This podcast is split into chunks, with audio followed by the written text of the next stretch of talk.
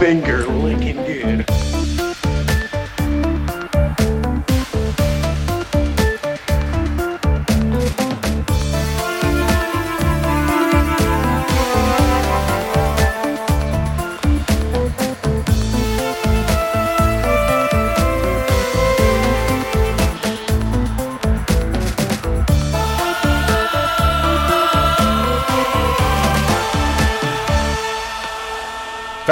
till skräckfilmspodcasten Vacancy avsnitt 113.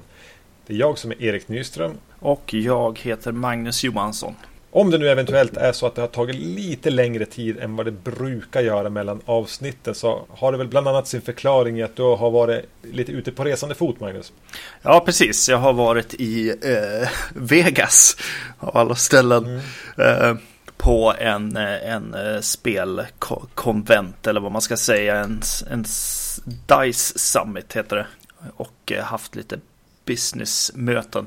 Du har försökt sälja din, ditt konstnärskap helt enkelt. Ja, precis, exakt. Men de har ju också en prisutdelning där för sådana här bästa spel och i, i olika genrer och så. Eh, som vi var och eh, var på. Det var lite roligt att vara på liksom. Eh, var det typ en Oscarsgala då eller? Fast... Ja, det är lite så här da dataspelens Oscars på något sätt. För det är eh, dataspelsindustrin som själva liksom delar ut det här priset. Eh, ofta brukar det vara vet du, journalister och sånt. Men, men just det här priset är eh, från industrin till industrin så att säga. Mm. Ja, Guillermo del Toro var ju där. Eh, Skrek du you suck? Ja, precis. Nej, jag gjorde faktiskt inte det. Jag, jag hade planerat att om jag, om jag skulle träffa honom så skulle jag eh, säga att hans filmer borde vara ungefär runt en timme långa. Eh, för han har ju inte material för hela filmer. Men, ja, ja. Vi borde göra det där Guillermo del Toro avsnittet vi har pratat om. Ja, just för, att, för att mm. skala bort eh, alla våra lyssnare. Exakt. uh, en, eh, spe, spelar du på någon så här uh, slot machine? Nej, precis. I, nej, jag spelade inget och det blev inga stripper eller droger eller så heller. Nej. Utan mest möten och lite sol hann vi med. Jag hann inte äta heller. Eh, vilket man ju borde göra i USA känns det som. Jag gick ner två kilon. Ja, då har du gjort någonting fel. Särskilt eftersom det inte var några droger inblandade. nej, precis.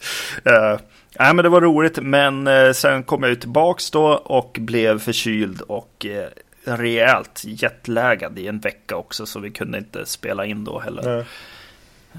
Mm. Jag har aldrig blivit jetlaggad. Nej, nej men... alltså jag har varit i USA sådär, men aldrig fått, fått så här eh, förut. Men, men den här slog hårt. Din, du får åka på jobbresor till Las Vegas och bli jetlaggad. Om jag får åka på en resa i jobbet så är det till Sorsele. Och få ont i rumpan för att jag har kört bil i sex timmar under en och samma dag. Ja, jag kände det lite grann att så här, gå och klaga sen då. Att man blir förkyld eller jetlaggad. Det känns lite, lite dåligt. Nåja, du har varit och eh, frotterat dig med noblessen av spelindustrin så passar jag på att sitta hemma och se film istället. Tänkte okay. säga något kort om tre filmer jag har hunnit se sen jag tror vi spelade in senast. Mm. Jag tar dem väl i den ordning jag såg dem. Det kanske blir mest eh, intressantast flow i det. Minns du eh, Berberian Sound Studio? Ja, ja, absolut. Fantastisk film som vi pratade, här på, eh, pratade om här på podden för kanske två år sedan. Eh, Peter Strickland gjorde den. Han har gjort en film som heter The Dukes of Burgundy. Just det. Eh, Skitbra film. Alltså okay. riktigt bra. Eh, ett, ett, ett, slags kammarspel om lite sadomasochism och eh, rollspel och maktrelationer i ett förhållande och hur de där kan tippas runt. Eh, förklätt i schysst 70-tals italiensk exploitationfilms skrud. Så det ser ut mm. som att, att, att, det ska vara en giallo men det är ett litet kammarspel om, om eh, powerplay och rollspel i en relation. Wow. Ja. Det är ja. precis lika bra som det låter. Jag tyckte den var bättre än Barbarian Sound Studio. Den enda Oj. lilla invändningen jag kan ha mot den var att den kanske jobbade lite för hårt med att, eh, inte, att den inte ska gå att tidsbestämma. Den utspelas i något så här som kanske är någonstans mellan 1950 och nutid.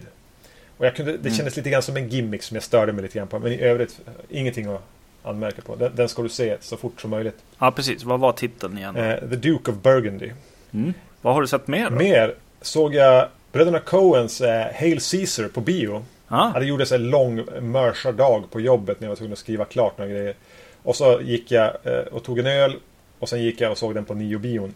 Eh, jag har väl egentligen inte så mycket mer att säga om den annat än, att, än en fråga. Är det, ett, är det ett tecken på att man börjar bli gammal och, och lite gubbig? Att man börjar tycka om bröderna Coen mer och mer? är det ett ålderstecken? ja, ja okej, så den, den var bra. Vi, vi brukar ju ofta gilla de här lite mindre filmerna de gör. Ja, men det här är nog det också. Det, man Ja, okej. Den, handlar ju, den utspelar sig på 50-talets Hollywood och, och, och runt omkring eh, den typen av filmer de gjorde då. Jag har inte riktigt tänkt klart på den. Den, var, den hade väldigt mycket bottnar och nivåer och allting kanske inte helt lyckat. Men jag känner ju att de filmer de har gjort med A Serious Man, eh, Inside Llewyn Davis och den här Hail Ja. Caesar så har de gjort riktigt, riktigt intressanta filmer. Mm. Då hoppar jag över Okej. True Grit där, för den gjorde inte så mycket för mig. Nej, nej, nej, precis. Det var det jag menade lite grann med, med, eh, med S- Serious Man, heter det så? Mm. Eh, ja, precis. Eh, och uh, Inside Llewyn Davids. Eh, att eh, de är lite mindre så här, men när jag ser trailern på Hail Caesar så känns det ju som en, en mer en sån där film där Brad Pitt dyker upp liksom. Ja, men det här är ändå en... Det är en mindre film än vad, man kan, vad det kan se ut som i, i trailern. Och den är mer Okej. lik A Serious Man än vad jag någonsin hade kunnat föreställa mig. Ehm, den är, den är, det är en optimistiskare version av det. Men det, den har samma, lite samma funderingar i sig tyckte jag. Ehm, Okej. Men jag har, Ja, då- den kräver att jag ser den igen för att jag riktigt ska kunna få grepp om allt den vill prata om. Ja, just det. Ja, jag samlar på mig hur mycket biopoäng som helst. När jag går dit så säger de oj, oj, välkommen tillbaks. typ. Eh, Så jag får, jag får väl gå och se den. Du Definitivt. kommer snart att få en egen salong på Ja, men Ja. typ. Jag var, ensam i, jag var ensam i salongen när jag såg den för övrigt. Det är lite sorgligt. Ja. Jag tror den var en ganska stor flopp tyvärr. Eh, Jag säger inte att det är deras bästa film, men, men den var definitivt eh, intressant. Mm, mm. Mm. Nu- Film nummer tre jag tänkte säga någonting om eh, var The Visit, M. Night Shyamalans. Han återvänder till skräck. Och han gör en found footage-film eh, 2015. Ja, precis. Och det här är inget vi gör på podden, eller? Nej. Nej, gud nej. Ah, Okej.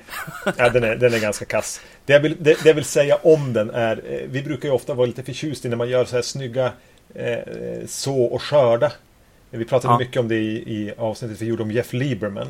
M. M. Night Shyamalan är jättedålig på det. Han försöker göra sådana här karaktärsdrags så och skörda. Det vill säga, ja, men tänk att en karaktär kanske är höjdrädd, presenteras någon gång i filmen. Så ska han i slutet måste hoppa mellan eh, två höga byggnader eller någonting. Och överkomma sin eh, höjdskräck. Ja. Han använder det här med de två huvudkaraktärerna på ett så uppenbart sätt och så forcerat och så löjligt. Eh, så bortsett från att resten av filmen misslyckas så blir man riktigt irriterad över de där försöken att göra den mer skriven eller visa att han faktiskt har jobbat med manus. Fruktansvärt irriterande.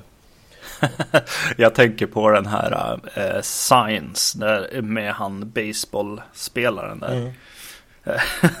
där det blir väldigt, väldigt eh, skrattretande liksom. Ja, då har du inte sett någonting. Nej, okej. Eh, Jag tror att det, det här hade varit en film Jag såg trailern till den och då tänkte jag Åh, han gör en komedi Alltså en skräckkomedi Trodde Ja. jag när man såg Men den är ganska straight Alltså vissa scener kanske man kan skratta åt Men jag tror den här hade mått bättre av att vara mer absurd Och, och dra den mer mot komedihållet Då hade den kanske varit mer uthärdlig Mm. eh, Så nej, gud eh, Nej, okej. Ja. ja, Jag har inte tänkt säga om den Så om du vill göra den på en podd får du köra solo Precis, men det är inte för eh, senaste nytt som vi är här. Nej. Eh, är riktigt i alla fall. Utan vi ska prata om eh, två vampyrfilmer idag, ikväll. Eh, kanske, kanske man kan ta ner det till vampyrvästerns kanske? Det var lite det som var min tanke i alla fall när vi valde att göra den här ihopparningen. Ja, precis. Eh, eh, framförallt så ville vi ju se en film som vi båda köpte när den, när den kom ungefär på, på Blu-ray då. Mm. A Girl Walks Home Alone at Night. Från 2014. Mm. Eh, och så behövde vi någonting att para ihop den här med. Och hade svårt att göra det känns det som. Och, och därav så har det här avsnittet liksom puttats framåt lite. Och vi hade idéer om att ja, men vi ser den och sen parar vi ihop någonting. Eh, men, eh, men du kom ju på en, en film som vi kunde para ihop den här med. Mm. Near Dark av eh, Catherine Bigelow från 1987. Just det. Och vi, vi börjar väl med att prata om, om den. Mm. Inte helt okänd eh, film eh, utspelas i mellanvästern i USA där en ung man eh, träffar en ung kvinna en sen natt. Blir biten av henne för hon visar sig ju vara en vampyr. Han förvandlas till vampyr och slår följe med den här kvinnan och hennes, eh, vad ska man kalla det för, vampyrposse. Mm. Som åker runt i en bil i, i, i öknen och är vampyrer. Hans familj, som är, består av en lilla syster och hans pappa, börjar leta efter honom. Precis. Jag hade sett den här tidigare.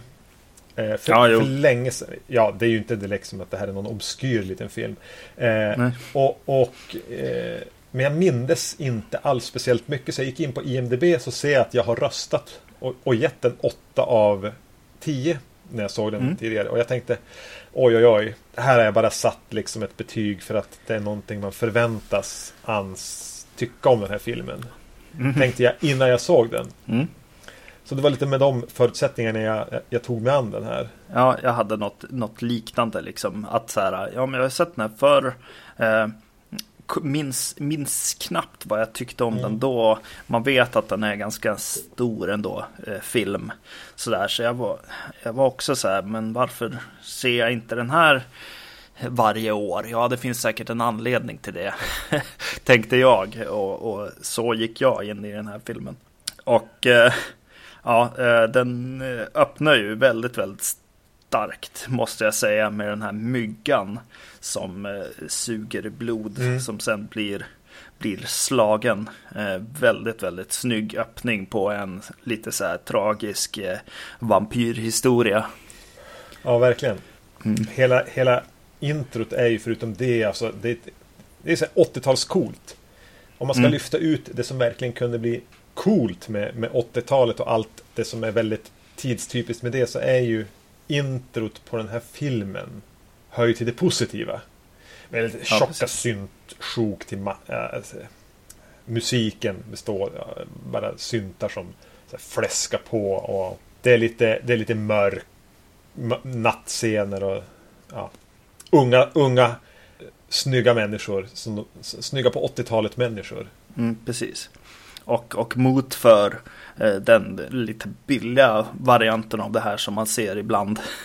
Jag tror vi pratade om i förra avsnittet att, att så här, det, de körde på lite så här stora eh, syntmattor också men det stank liksom billig version av den på något sätt. Utan här, här är det ju Tangerine Dream som gör eh, soundtracket också. Mm. Så det, det känns, och det känns ju av. Alltså, och eh, fotot och den här ja, myggan och de här bilderna i början säger ju att filmen är lite större än en dussin skräcken mm. på något sätt. Jo, det är någon som vet hur man väver sina syntmattor också. Mm. Och så sen dyker, dyker, eh, kommer han ju till eh, den här huvudpersonen Caleb. Ja. Eh, spelad av eh, Adrian Pastar. Pastar. Ja, alltså en, eh, visst dök det upp, måste det ha dykt upp under 80-talet massor med eh, manliga skådisar i hans ålder, så här, drygt 20, som gjorde en eller två filmer som blev stora på 80-talet och sen har de bara gjort tv. Mm, han är väl så här voice actor nu också. Ja, men han är ganska poppis på tv också känner jag nu för tiden. Så här. Eh, när, man, när man kollar upp han på IMDB så här, ja, jaha, det är han så här. Mm. Och så, så för mig blev det som att, ja, titta han som är ung på något sätt. Men det är väl mest tv och sånt som man har, har sett honom mm. i, i, i, små biroller liksom. Så här. Eh, kanske på film också. Eh, men eh, precis, och då möter han den här huvud, eh, eller tjejen då, May. Mm. Spelad. spelad av Jenny Wright. Ja. ja. och den här flörtningen eh, som börjar här med, med vid glassen eh, får mig att tänka, eh, av någon anledning börja tänka på Nightbreed. Och, och vad Nightbreed skulle kunna ha varit om den filmen hade regisserats av En regissör. en regissör, ja precis. Eh, en blivande Oscarsvinnare Mm. liksom. Eh, eh, det, det fick jag verkligen eh, vibben av och, och kände att eh, än en gång så här, åh, vad, vad synd att Nightbreed inte var eh, bättre. Mm. Ja, Ja, definitivt. men jag tycker hela scenen när de här... eh, Ja, men det börjar som en liten flört. De tar det vidare från en flört. Eh, åker iväg i bil och ja, men med glassen här. Och det, är ganska, det är ganska gulligt på ett sätt. Mm. med mörka undertoner. Eh, och om man... Eh, jag vet inte om jag gick på mina minnen av filmen. Eller, men man känner ju ganska snabbt att den här, den här tjejen är ju inte bra.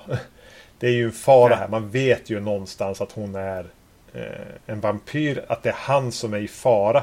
Men samtidigt känner man lite grann att han är inte så... Alltså, I det här sammanhanget hade jag inte velat att hon skulle vara min dotter. Nej, nej precis. Eh, Det känns som att date-rapen lurar lite runt hörnet också. Han tränger sig, är lite för gå på i och, på det här sättet som det har blivit eh, i, på något sätt okej att killar ska vara i, i relation till en tjej de träffar. Det vill säga tvinga sig på dem nästan, vilket är ganska vidrigt. Och hela Mm, den precis. grejen finns ju där i flörten. Mm. Eh. Ja, han tar ju kommandot definitivt. Lite som, eh, ja vi, vi gjorde ju, vad heter den, eh, The Notebook eh, på, Mm. eh, på Titta de snackar. Och där var det lite, liknande när de, när de träffas där faktiskt. Att det blir lite påtvingat liksom. Du ska hänga med mig ikväll. Nu ska vi hångla. Eh, Precis. Och det blir väldigt mycket så mot, mot slutet av den här dejten då när de, när de stannar på vägen. När hon blir väldigt, väldigt angelägen om att komma hem. Eftersom att det håller på att bli gryning då. Eh, och han stannar till och bara, nej men hallå vi gör något annat liksom. Så hon får i princip slå sig loss liksom och springa hem. Skitsnygg scen. Alltså hon Mm. springer ut. De sitter ju i en bil nästan hela tiden. Och hon springer, alltså slår sig fri och ehm, har ju bitit han då. Också. Ja, just det. Mm. Eh, och springer ut ur bilen och kameran åker liksom upp och vi har det här mellanvästern. Öknen som inte bara är varm. Liksom. Den är jävligt kall också. Ja. Otroligt visuell scen och så Tangerine Dream eh, syntsjok på det. Mm. Mm, mm. Jo, absolut. Vet du, jag blev förvånad. Alltså för, ja, men som, som, som vi pratade om i, i början. Jag minns så lite av Near Dark. Ja, Men jag blev förvånad nu hur mycket den egentligen var stämningar och eh, romantik och känsla. Mer än bara en, en, en cool skräckfilm med Lance Henriksen och Bill Paxton som, som eh, fräcka vampyrer i en i bil med igentejpade rutor. Jag trodde den skulle vara mycket mer cool med karaktär cool och eh, by, bygga kring några fräcka scener och idéer. Men det är väldigt mycket just syntmattor, melankolisk stämning, romantik man, och eh, ja, stämningar. ja, ja, absolut. Än en, eh, än en skräckfilm. Mm, mm, Eller precis. en actionfilm. Ja. Mm. Och just efter att han har blivit biten här så, så går den ju till en annan typ eh, av stämning också. I, I det att den blir ju väldigt smutsig också. Eh, eh, lite Sam Peckinpah-skitig liksom. Eh, det, eh, Caleb här, han är liksom hela tiden eh, eh, skitig och svettig och, och svag och, och Mm. liksom eh, han, han mår verkligen inte bra av den här eh, hungern som kommer och, eh, över honom när han har blivit biten här. Men I det också att han blir, alltså när han har blivit vampyr då så eh, han ju inte solen. Och det som händer om en vampyr är ute i solen är att de börjar ju i, ryka och, och, och, till slut brinna. För de tål Mm. inte solljuset.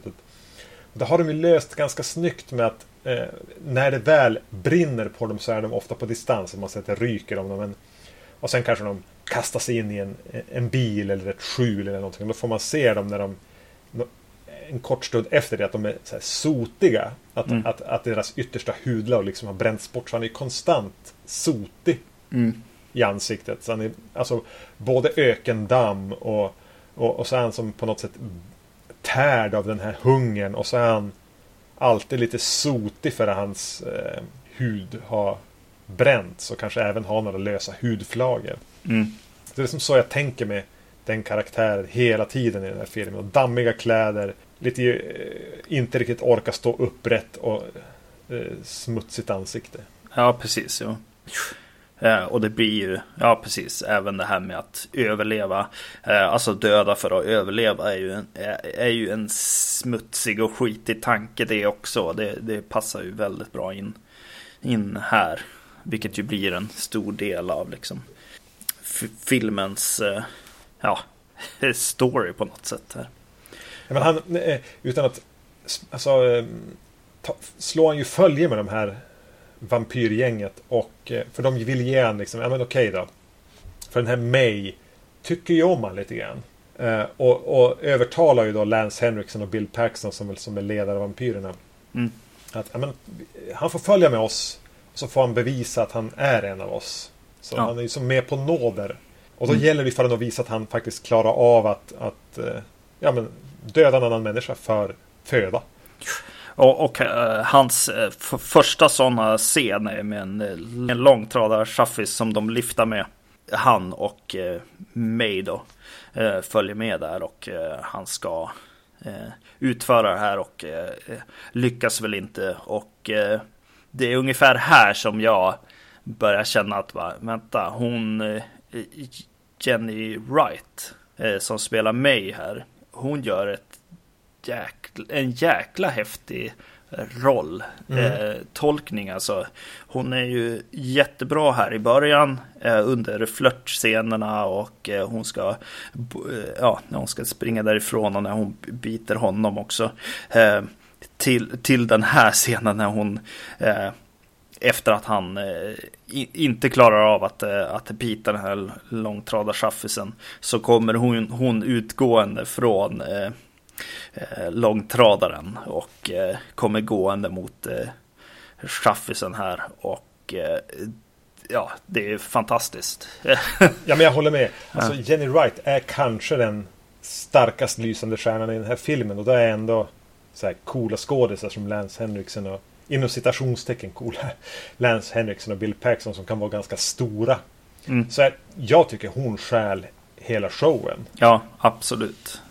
Det som man funderar lite grann varför är inte hon ett... Varför blev inte hon Meg Ryan eller vem som helst från 80-talet som... Så, så, som, okej, Meg Ryan är borta sedan 15 år tillbaka. Men alltså varför är inte Jenny Wright ett större namn? Ja, precis. Ja, nej, absolut. Eh, otroligt bra eh, jobb i den här filmen. Eh, och, och kämpar för, för sin plats i den också, ser man ju på henne liksom. Hon, hon, hon har gjort eh, researchen för Mm. den här filmen. Sen eh, kommer vi ju till eh, Lance Henriksen och Bill Paxton och gänget. Mm. Och som är mycket mer så här larger than life och eh, kanske det mest så här 80-taliga av dem. De är ju på något sätt aliens marinsoldaterna om de vore vampyrer lite grann. Tänkte Eh, du på hur mycket aliens-kopplingar det finns här? Ja, ja jo. jo, det är en hel del. Jag menar, eh, Catherine Bigelow var väl gift med, eller i alla fall ihop med James Cameron vid den här tidpunkten. Ja, Eh, Bill Paxton är med. mm, Eh, Lance Henriksen är med. mm. Och Jeanette Goldstein är med. ja precis. Så jag menar, de har ju liksom lyft hela vampyrgänget här från Aliens. Ja, precis. Och gjort i princip liknande karaktärer av dem Ja. också. Eh, och eh, här börjar jag fråga mig om eh, filmen varit bättre utan det här vampyrgänget. Eller om de inte hade varit så over the top. Men... Jag, jag, Vet, du, vem- vet du vem jag tänker är med i det här gänget? Alltså jag kom på det när jag, jag, när jag tänkte ner Dark. Just det, det är det här vampyrgänget ja. Och Jeff Goldblum är väl med? just det. Ja, det skulle han kunna ha varit. Ja, eh, på något sätt känns det som att han är den som hade dött just innan. Ja, just det. Ja, precis. Eh, nej, de är ju väldigt stora. Särskilt Bill Paxton. Mm, Eh, precis. Och han är ju en, ofta en sån där man är kluven till. Mm. Eh, ja, jag, jag, jag for fram och tillbaka och så kommer ju den här eh, klassiska, eller vad man ska säga, barscenen. Som väl är den stora setpisen i filmen. När hela gänget går in på en bar och eh, eh, ja, eh, lever rövare. Eh, och eh, där till slut så bara, ja fast utan det här liksom. Eller, eller bara liksom en riktigt otäck scen här. Jag vet inte. Jag, jag tycker nog ändå i slutändan att den förmodligen inte hade varit eh, lika bra eller lika liksom, minnesvärd kanske. Eh, barscenen eh, går från att jag blir lite nervös till att nej men det här är bra ändå. Eh, Bill Paxtons look mot slutet av den scenen är ju Mm. perfekt liksom. Det är verkligen någon som har koncept, konceptartat honom. Med, med alla sina attir- attiraljer och eh, blodet eh, eh, på hans kläder liksom. Vad tycker vi, vi, Janet Goldstein spelar ju liksom en slags älskarinna till kanske Lance Henriksens vampyrkaraktär. Men då har vi en, en, en liten kille också som kanske är 12 Mm. års ålder här. Som heter Homer. Mm. Ehm, vad tycker du om han? Eh, ja, jag vet inte. Det känns ju bättre på manusstadiet. Alltså med, Mm. eh, det gör det ju.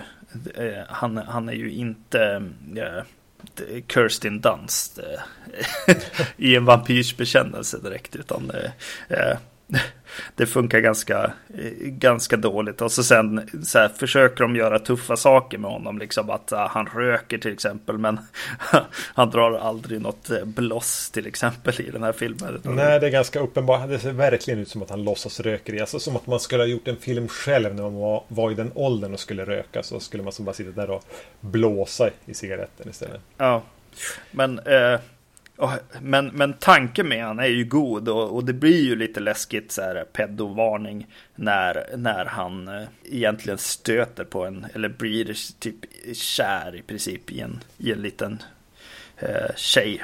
Ja, som är bara, de, de är ju liksom bara fysiskt jämngamla. Ja, precis. Medan han är ju typ jättegammal. Eftersom Ja. han en, hade oturen som vampyr att bli biten när han var typ 12. Precis.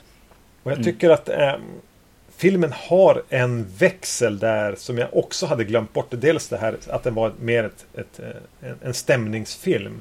Mm. Och det var den här, och den hör väl tillsammans med det. Det, det är att eh, Calebs familj letar efter honom. Mm, just det. Eh, och åker runt och börjar söka och, och är på så här sjaskiga bensinmackar och, och fiskar ganska tröstlöst efter ledtrådar. Eh, som jag sa tidigare, då bestående av en ganska typisk mellanvästern-pappa. Som man kan tänka sig att han ser ut. Så här, Sam Shepard-aktig. Mm. Eh, och en, ja, men en 10 el- 10-årig lilla syster. Och, och allting med alla scener med dem när de bara tröstlöst letar efter Caleb. Har ett härligt så här, melankoliskt sug i sig som jag gillar. Som verkligen gav filmen en, som, eh, en nyans som jag helt hade glömt bort. Mm, precis. För det är klart att man skulle göra det om ens, ens bror eller ens son bara märkligt försvann. Och man hade kanske sett en glimt av hur han försvann in i en bil. Mm. Att man skulle börja leta på det här sättet. Ja, Och det hade jag helt glömt bort också med Near Dark. Och Jag tycker att tillsammans med Jenny Wrights insats som eh, den här eh, vampyren så just eh, hela biten med hur familjen letar efter, efter Caleb är bland det starkaste jag har med mig från den. Mm. Ja, för mig är det ju så här smutsen, fotot, musiken, hon mig och då såklart världen de liksom bygger upp med den här filmen. Det, är, det blir ju en rätt unik och stor film liksom. Eh, och ja, det är väl ingen favorit eller har det då inte varit, men, men den är ju bra varje gång man ser den på något sätt ändå. Och eh, en betydligt bättre film än Nightbreed när det kommer till sån här outsider-kärlek och, Mm. och det som den vill prata om också. Liksom. Det de har gemensamt är den här mycket starkare på, definitivt. Jag blev förvånad över hur mycket jag tyckte om den. Eh, och Mm. och Ja. att den har det här... Ja, men att den spelar så mycket på känslor. Ja, exakt. Ehm, var väl det som förvånade mig. Som gjorde att jag, att jag, att jag tyckte om den mer än vad jag, mer än vad jag trodde jag skulle göra. Mm. Och en film som jag satt och tänkte på. När jag såg, alltså med miljöerna och med känslan med det här typ Lite ett ansikte med blod och sand och allting. Jag tänkte bara Fan vad den här påminner mig om Liftaren. Ja, just det. Mm. Eh, och så säger jag att det är samma manusförfattare. Hade jag ingen aning om. Nej, där ser man. Eh, Eric Red, inget namn som direkt har fastnat hos mig. Och han verkar inte ha gjort så mycket mer som har gjort avtryck än just de här två filmerna. Som, jag tror Liftaren kommer året innan. Mm.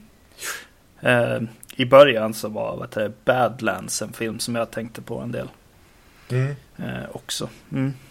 Ung kärlek. Ja, precis. Och, och just att, mörker. att han, han var så på eh, tvingande på. Ja, precis. Eh, också liksom. Han skulle ha den här tjejen liksom. Eh, Kosta mm. vad det kostar vill. Ja, precis. Exakt. Även om jag begår ett eh, lagbrott. Ja. Då kan vi ju gå vidare. Vad duktiga Ja. vi var. Vi kändes inte som vi spoilade den här filmen.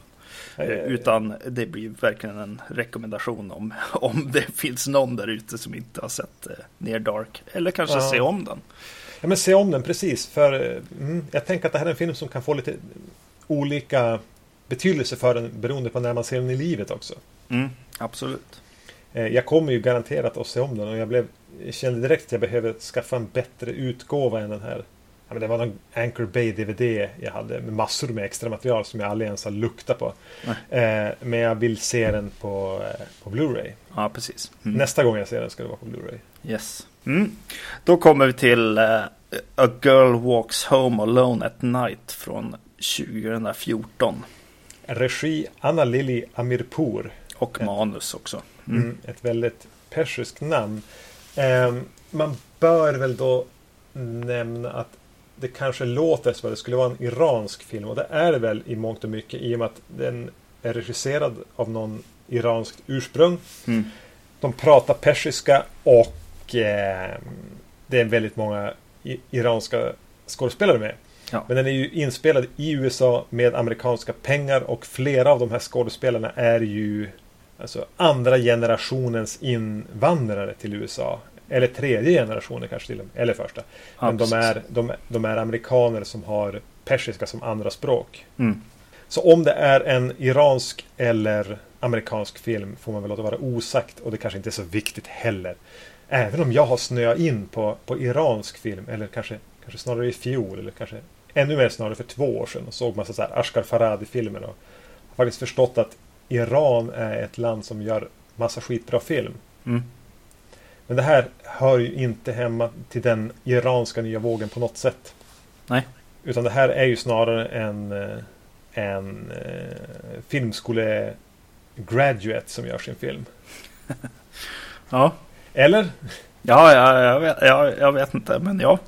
Eh, Så- så kan nåväl, vad handlar den om? Jo, en, eh, en stad som heter... Ah, jag tappar namnet. Vad heter den? Bad, ehm, Bad City, nej, Bad... Ci- Bad Town. Ah, Ja, skitsamma. En, en liten stiliserad stad vandrar runt en, en kvinna som är vampyr som verkar riktigt inse huvudsakligen på män. Och hon eh, kommer av en slump i kontakt med en man som hon fattar lite tycke för. Mm. Ungefär så. Vi kommer att prata mer om handlingen när vi pratar om filmen. Så.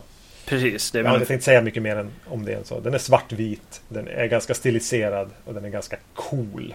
ja precis. Eh, Det handlar väl väldigt mycket också om, om eh, gangsters och eh, droghandel och drogmissbruk också, också Mm. i den här staden då som porträtteras i, i, i den här filmen. Eh, ja, igen, eh, som, jag, som jag sa för några avsnitt sedan, eh, färgfoto alltså. det var nog en ganska dålig idé, känner man ju när man börjar se den här filmen, som ju är en svartvit film som i än en gång ser helt fantastisk ut. Ja, gud ja.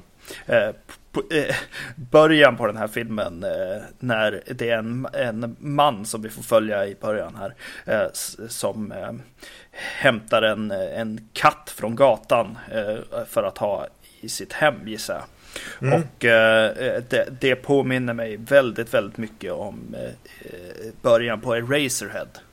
Ja, ingen koppling jag gjorde men jag förstår vad du menar. Ja, eh, ensam man, svartvit miljö, står vid något slags plank ungefär. Ja, precis. Och, eh, och går genom den här staden och det, det finns eh, den här industriinslagen också som dyker upp lite då och då i, i filmen. Det är en ganska risig och i princip helt folktom stad också. Måste man ja. säga. Mm. Och ja, precis. Och när det här sätter igång också så, så kommer han ju hem till sin far va? som som är eh, drogmissbrukare. Eh. Mm, han jobbar ganska hårt den här unge mannen för att ja, men, ta hand om sin pappa och eh, försörja hans drogmissbruk. Och den här pappan sätter sig i skuld också till, till drog, vad heter det? Ja, men langare. Ja. Som får, så de, och när de inte kan inkassera skulderna från pappan så tar de ju från sonen. Hans ja. bil bland annat. Ja, precis. Och den här äh, mannen som kommer för att äh, ta, ta, bilen här, han är ju en, en fantastisk äh, superskurk på något sätt. ja, jag, jag, gillar att, att den här världen som börjar byggas upp liksom är, är så pass liksom annorlunda ändå. Det är lite, lite krocken mellan liksom USA och ja, kanske Iran, jag vet inte. Eh, mm. Med, med just den här eh, skurken som på något sätt är så här influerad av, av USA men inte riktigt hör dit på något sätt. Nej men det är så här fonetisk tolkning av USA. Ah. Han har sett filmerna men han kan egentligen inte språket. Den Nej. känslan. Ja. Mm. Och så sen liksom eh, gillar ju även liksom huvud personen, framförallt för fotots skull ska jag säga. Eh, just den här jeans och, och vit t-shirt som man går omkring i. Eh, snygg, snygg design för just det här fotot.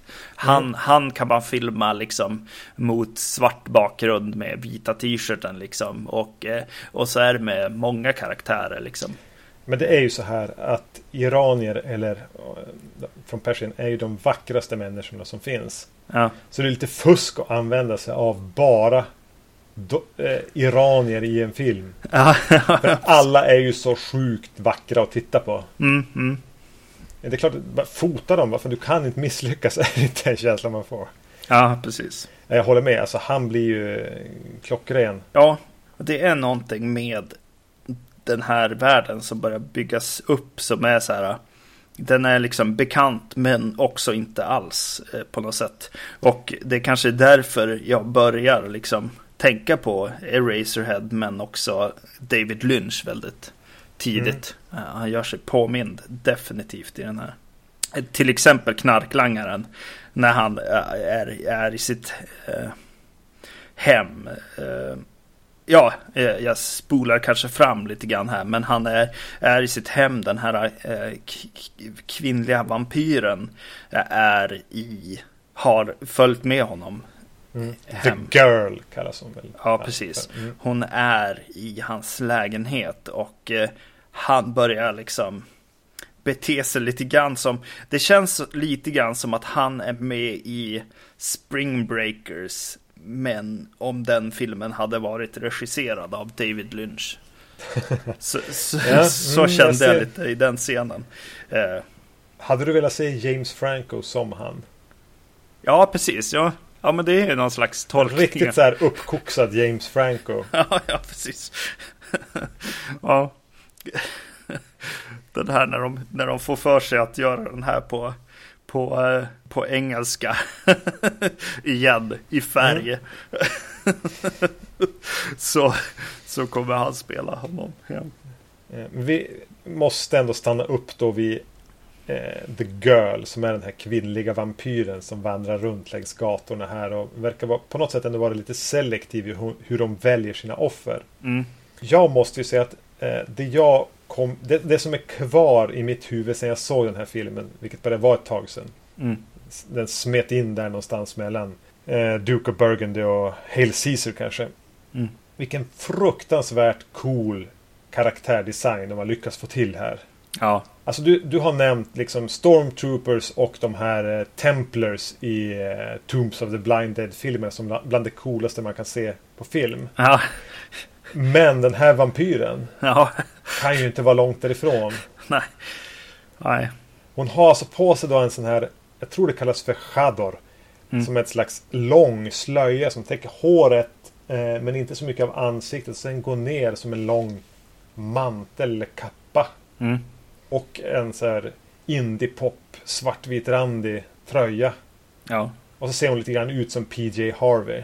Ja, precis. Eh, Hon har sminket där också runt Ja. ögonen som är mörkt runt ögonen. Ja, Och i vissa korta scener i filmen så åker hon även skateboard. ja exakt. Det blir nästan lite för för eh, supercoolt. Ja, precis. Men ändå, alltså vilken uppenbarelse hon blir i den här filmen. Ja, och det häftigaste av allt tycker jag är att eh, hur de kan använda det här sen. För att hon blir liksom superskum och lite läskig när hon inte är ur fokus. Mm. Eh, och när hon är i bakgrunden och någon annan är i fokus i förgrunden. Till exempel i den här scenen som jag just pratade om eh, hemma hos knarklangaren här. Eh, men sen när hon, när hon är i fokus så, så är hon väldigt så här, kan hon bli väldigt sympatisk och man, man, man kan känna med henne och, och, och så. Hon är ju inte iskall. Alltså det finns ju någon slags värme i ögon och i liksom eh, anletet på ansiktet på vad heter hon? Sheila Wand heter skådisen. Mm, Ehm, mm, ja men som, som en slags här, genuin empati som finns där. ja. Även om hon kan, samtidigt kan vara ganska otäck. Ja, eh, otroligt häftigt. Eh, ja, man kanske får ännu mer eh, sy- sympati eller eh, eh, ja, att hon utstrålar någon slags eh, tillhörighet med henne kanske när hon är i sin lägenhet också. Mm. Där, där hon inte då har på sig den här eh, långa slöjan. Utan, utan eh, bara är en, en, en musikhipster. Mm. Stå och dansa till någon sån här cool elektromusik. Ja, ja precis. Som får en att känna sig gammal. Precis, exakt. Otroligt, otroligt, otroligt bra alltså. Shit vad bra. Eh, det följde ju med några serietidningar i den här utgåvan också. Ja, vi har samma utgåva vet jag. Har Ja. du läst dem? Nej, jag har inte läst dem än. Eh. Men, det är ju, det är ju som, som taget ur en serietidning. Så att Mm. eh, det är inte konstigt att de har gjort, eh, gjort det här efteråt också. Det ska tydligen ge mer backstory till staden och till, till framförallt henne. Mm, precis. Någonting man får titta in på, definitivt. Ehm, mm. Ja, då vill jag komma till en annan person också. Det är den här, ja, som jag kallar huvudpersonen. Jag, jag vet inte vad han heter i, i filmen. Eh, eh, den här unga pojken, eh, mannen. unga mannen som blir av med sin bil här och, eh, ja, och börjar sälja droger va? Också. Mm. Allt Ja, han gör ju vad han kan för att försörja sin pappas drogmissbruk. Av lojalitet. Ja, precis. Eh, han får mig att tänka på giallo-genren, italienska whodunit eh, slasher-kombinationen på något sätt. Eh, han ser ut som, ja, han ser ut som och gör saker som huvudpersoner i en giallo eh, hade gjort. Han, han kunde... Lite, lite det här passivt aktiva. Ja, han kunde det kan definitivt bli liksom vittne till ett mord och bli indragen i att försöka lösa det på något sätt. Eh, eh, och eh, nästan e- extra mycket när hans, han gör illa sin arm och, och får sin hand bandagerad. Eh, det blir nästan ännu tydligare då på något sätt. Han, är ju inte en stark hjälte. Han är ju en ganska patetisk karaktär. Man, man, han, man får direkt hans sympatier. Men han plockar upp en katt. han tar hand om sin knarkande pappa trots att han egentligen skulle vilja leva livet som en ung snygg kille. Ja. Eh, så, så är han ju väldigt lojal och, mot sin pappa. Och, eh, men samtidigt är han ju ganska... Han gör ju inte så mycket som imponerar på en. Han försöker stöta på någon tjej på en fest och, och blir nobbad. Och ganska tafflig. Men samtidigt väldigt vacker. Ja, Eh, och, och mest så drabbar ju resten av filmen honom snarare än att han är speciellt aktiv. ja precis. Eh, han hamnar ju eh, på en, en, en maskeradfest där han är utklädd till Dracula. Och, Ja. och det är efter, efter den festen han har tagit eh, ecstasy va? Som han inte har tagit tidigare och eh, eh, går hemåt i någon slags eh, rus där och eh, möter den här eh, vampyrkvinnan. The girl. Och eh, hon tycker väl lite synd om honom. Ja, precis. Men eh, ja, exakt. Jo, men det gör hon ju. Men också det är ju så häftigt på något sätt när han presenterar sig också och säger jag är Dracula. Ja. Eh, det är häftigt och hon blir på något sätt liksom ja, intresserad. Man kan nästan, ja, nästan tänk, tolka det som att ja, du Dracula? Ja, men då är ju vi Vi har saker att prata om. Eh, lite, lite så liksom. Samtidigt som eh, det är mer av en, eh, en, en bildlig sak kanske än vad som faktiskt händer i filmen. Och, och en sån grej händer ju senare också när, när han faktiskt kommer till hennes lägenhet eh, och eh, eh, hon står vid skiv, skivspelaren och han kommer sakta gående mot henne och vill väl egentligen kyssa henne på halsen liksom. Känns det som. Eh, När han kommer där sakta bakifrån. Så att eh, just att, att han, han blir den här eh, otäcka romantiska eh, Dracula, liksom vampyren på något sätt. Eh, gentemot henne då som faktiskt är en vampyr. Eh, my- mycket vacker eh, scen och, och bild framförallt Mm. där. Och den är i- väldigt, väldigt långsamt och mu- musik och stämningsiscensatt. Mm. Jag tänkte att den scenen speglar lite grann scenen jag pratade om i Near Dark när, när de, de flörtar på innan han har blivit biten. Ja. Och man vet hela tiden att det är hon som är den farliga. Men man känner ändå det här ständiga hotet från den maskulina gestalten mot en kvinna. Mm. Att någonstans så ligger hela tiden den här tanken på att han kommer att våldta henne.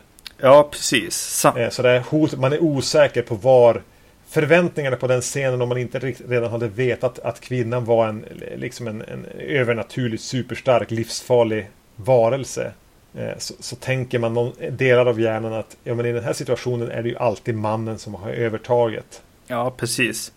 Samtidigt som det också är en, alltså ja, men samtidigt är det ju också en, eh, en väldigt, väldigt eh, fin, liksom ungdomskärleksscen det där också. Samt, Mm. På samma gång, vilket är, är väldigt, väldigt bra. Väldigt bra scen, hela den, den sekvensen egentligen, hela träffen och allting liksom. Det är likt ner Dark, ja, men hon lyckas ju där den här Anna Lili Amirpour ja. eh, regissörerna att få en engagerad i kärlekshistorien. Ja, precis. Och det är ju det som är nyckeln. Alltså hade man, hade man berövat den här filmen här att man vill ju någonstans att de här, trots de extremt omöjliga förutsättningarna, ska kunna få varandra. De här väldigt ensamma människorna, ganska plågade människorna, ska kunna få varandra. Det är ju det som för mig driver hela filmen framåt. Hade, man, hade, hade inte det fungerat hade det bara blivit en, en svartvit stilövning från en filmskolestudent. Mm. Som fått sin utbildning betald av sina föräldrar. Mm. Alltså, Men den sitter ju. Ja. Den sitter ju. ja precis så är det ju. Och liksom, det enda... Det här är egentligen från produktionshåll, liksom hur, hur kan man eh, få en, en, en sån här film gjord på något sätt. Och det är lite här som, som eh, en svensk film faktiskt nog hade någonting att säga, säga om förutsättningar för att den här filmen skulle bli gjord överhuvudtaget. Och det är väl låt den rätte komma in lite grann här. Ja, jag. den anden hänger ju över den här filmen någonstans. Ja, precis. Jo, det gör den ju. Men det är egentligen det som jag känner att, att det är här producenten Elijah Wood kan, kan trycka på startknappen, ändå greenlight-knappen eh, för att eh, göra den här filmen. Eh, men, men det är också där tycker jag ändå att, att likheterna liksom får stanna där tycker jag ändå. Mm. Mm. Men, men, det... men, en film som jag faktiskt tänker på lite grann ibland, särskilt när de, när de visar saker från, från staden och, och de gör lite utsvävningar till, till andra karaktärer och så, rent eh, i den här filmen, det är att jag tänker lite grann på eh, Jodorowskis eh, Santa Sangre här också. Mm. Jag trodde inte du skulle säga det nu. Jag satt och försökte gissa i mitt huvud men jag, eh, hade aldrig gissat Santa Sangre. Nej, precis. Jag känner lite grann eh, att eh, ja, David Lynch och Jodorowsky gör sig påminda lite mm. grann här faktiskt. Jag satt och tänkte på att den här går lite, lite i samma anda. Om vi nu ska använda oss av filmer vi har pratat om tidigare på podden så tänkte jag på, inte bara för att, för att det är vampyrer, men jag tänkte på att den Only Lovers Left Alive Eh, att han hade den här lite Jim Jarmusch-känslan av att det är fruktansvärt coolt. Ja, precis. Jo. Eh, och det är väl den känslan jag får där. Att ingen av, varken Jim Jarmusch som då gjorde den eller Anna Lilja Amirpour eh, skulle vilja hänga med mig. Nej, precis. Ja, precis. Eh, de är lite för coola, lite för snygga för det. Ja, precis. Och sen tänkte jag även, även på Under the Skin. Mm, mm. Eh, och, och, den är väl också lite grann i det här va, eh, svårplacerade filmer genremässigt. Det finns en kärlekshistoria. Det finns undertoner av liksom makt och kön och ja, men, betraktarens öga. Och, samtidigt som det är lite exploitation. Samtidigt som det är ett, lite artsy fartsy. Mm. Eh, det fick mig att tänka på den. Mm. Ja, absolut. Men mm, och, och A Girl Walks Home Alone at Night har ju även mer eller mindre uttalade feministiska undertoner eh, i ja, men hur den här The Girl fungerar. Vilka hon väljer att rikta sig mot. Mm. Hur hon sorterar lite grann. Och, och, andra tankar. Men det jag kunde känna var att eh, alla, den här subtexten som man kan läsa in i filmen ligger där på ytan hela tiden. Ja. Jag har inte gått och tänkt så mycket på den här filmen i efterhand. Alltså, jag är ganska säker på att om jag ser om den kommer jag uppleva den på exakt samma sätt som jag såg, upplevde den när jag såg den första gången. Mm. Allting är ganska synligt. Jag, jag, jag, fick aldrig känslan att det finns mer saker under ytan för mig. Att, att fundera på eller kanske uppfatta på ett annat sätt om jag ser om den. Om jag nu ska jämföra den med sig Under the Skin. Mm. Ja, alltså det känns ju som att det är ju en film som är väldigt influerad. Jag tycker framförallt av David Lynch. Alltså Wild at Heart och, och Eraserhead.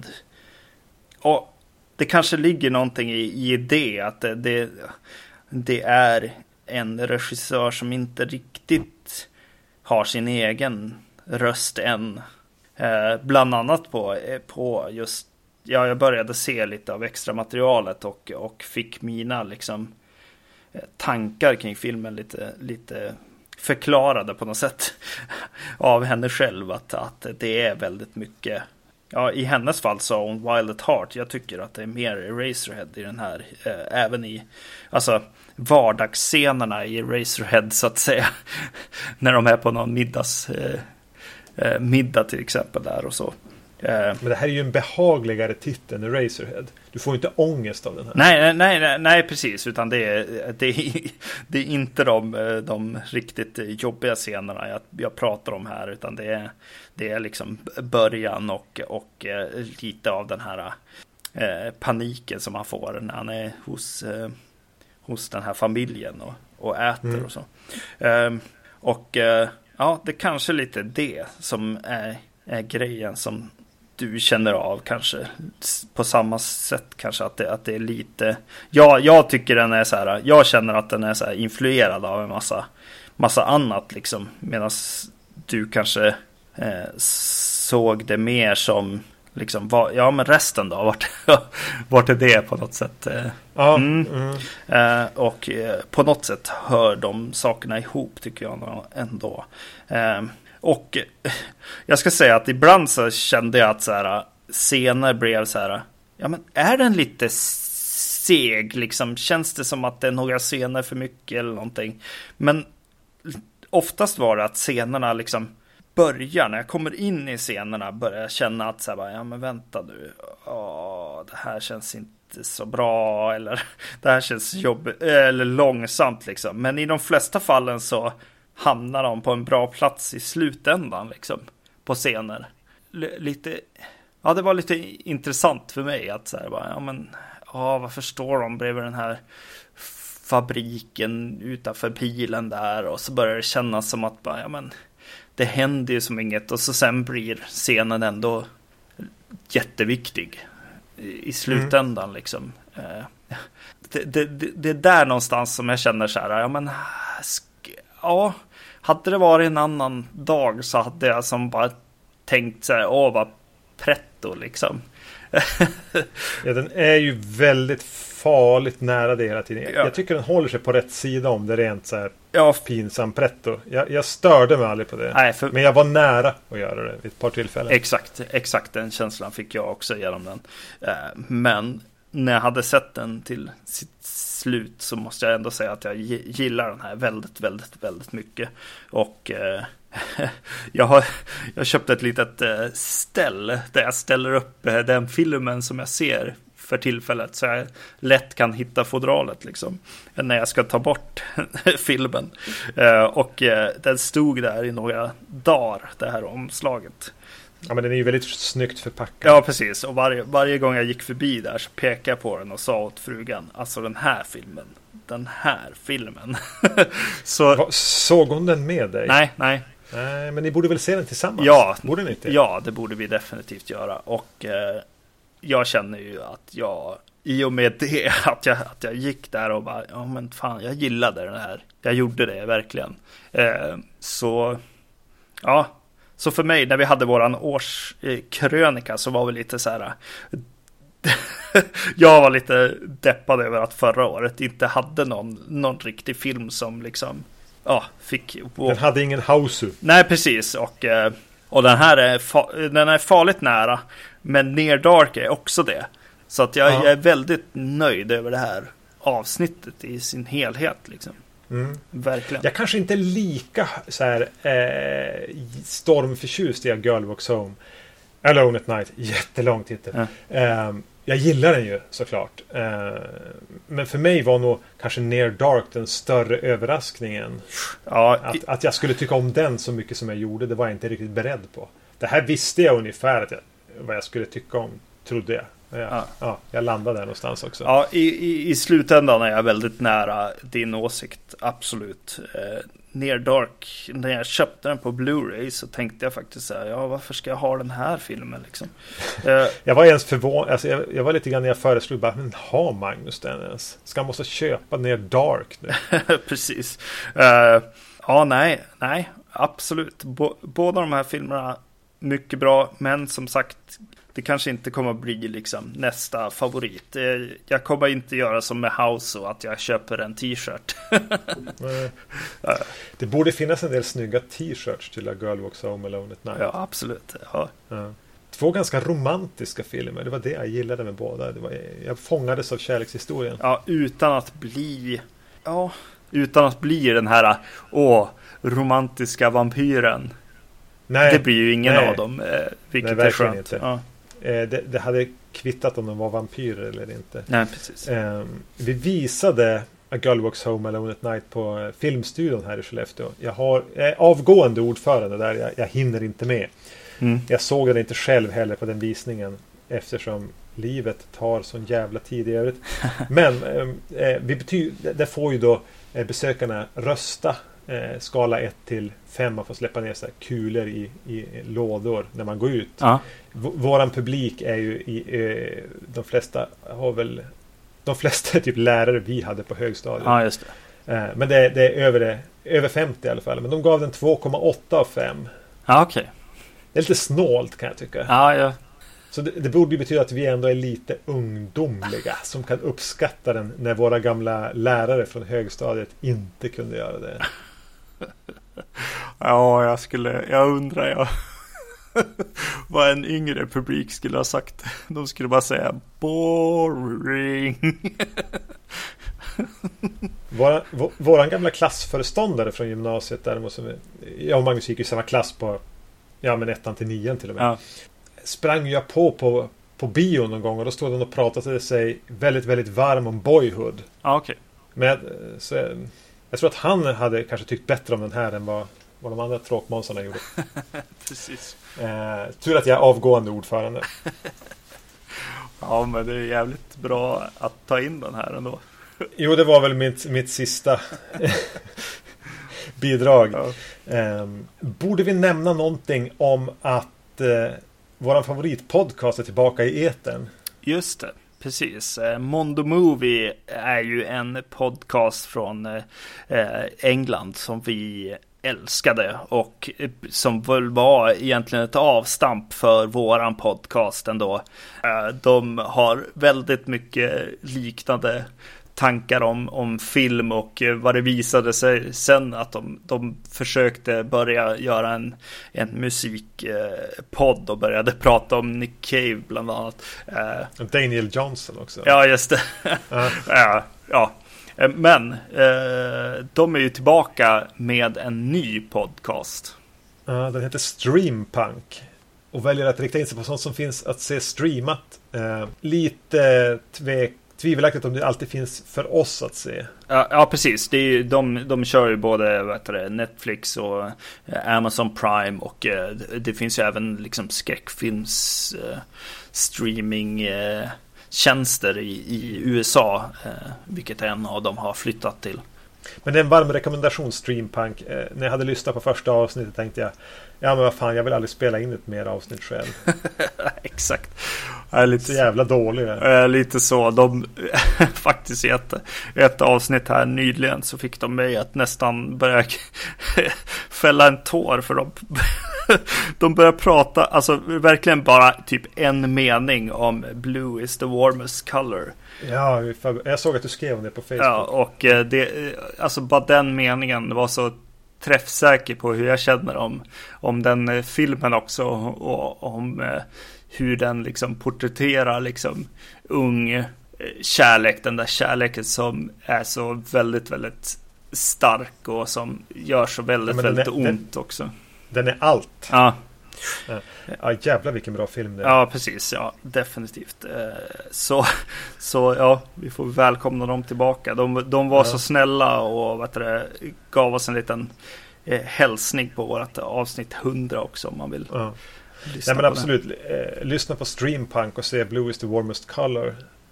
Så, så kan ni vara nöjda med 2016 sen. Ja.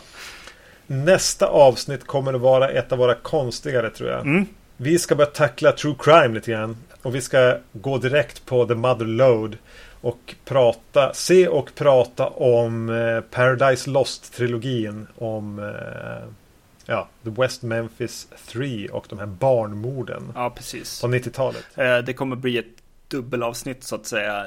Även då nästa kommer att avhandla filmer på temat. Ja, både West Memphis 3 och True Crime i allmänhet. Ja.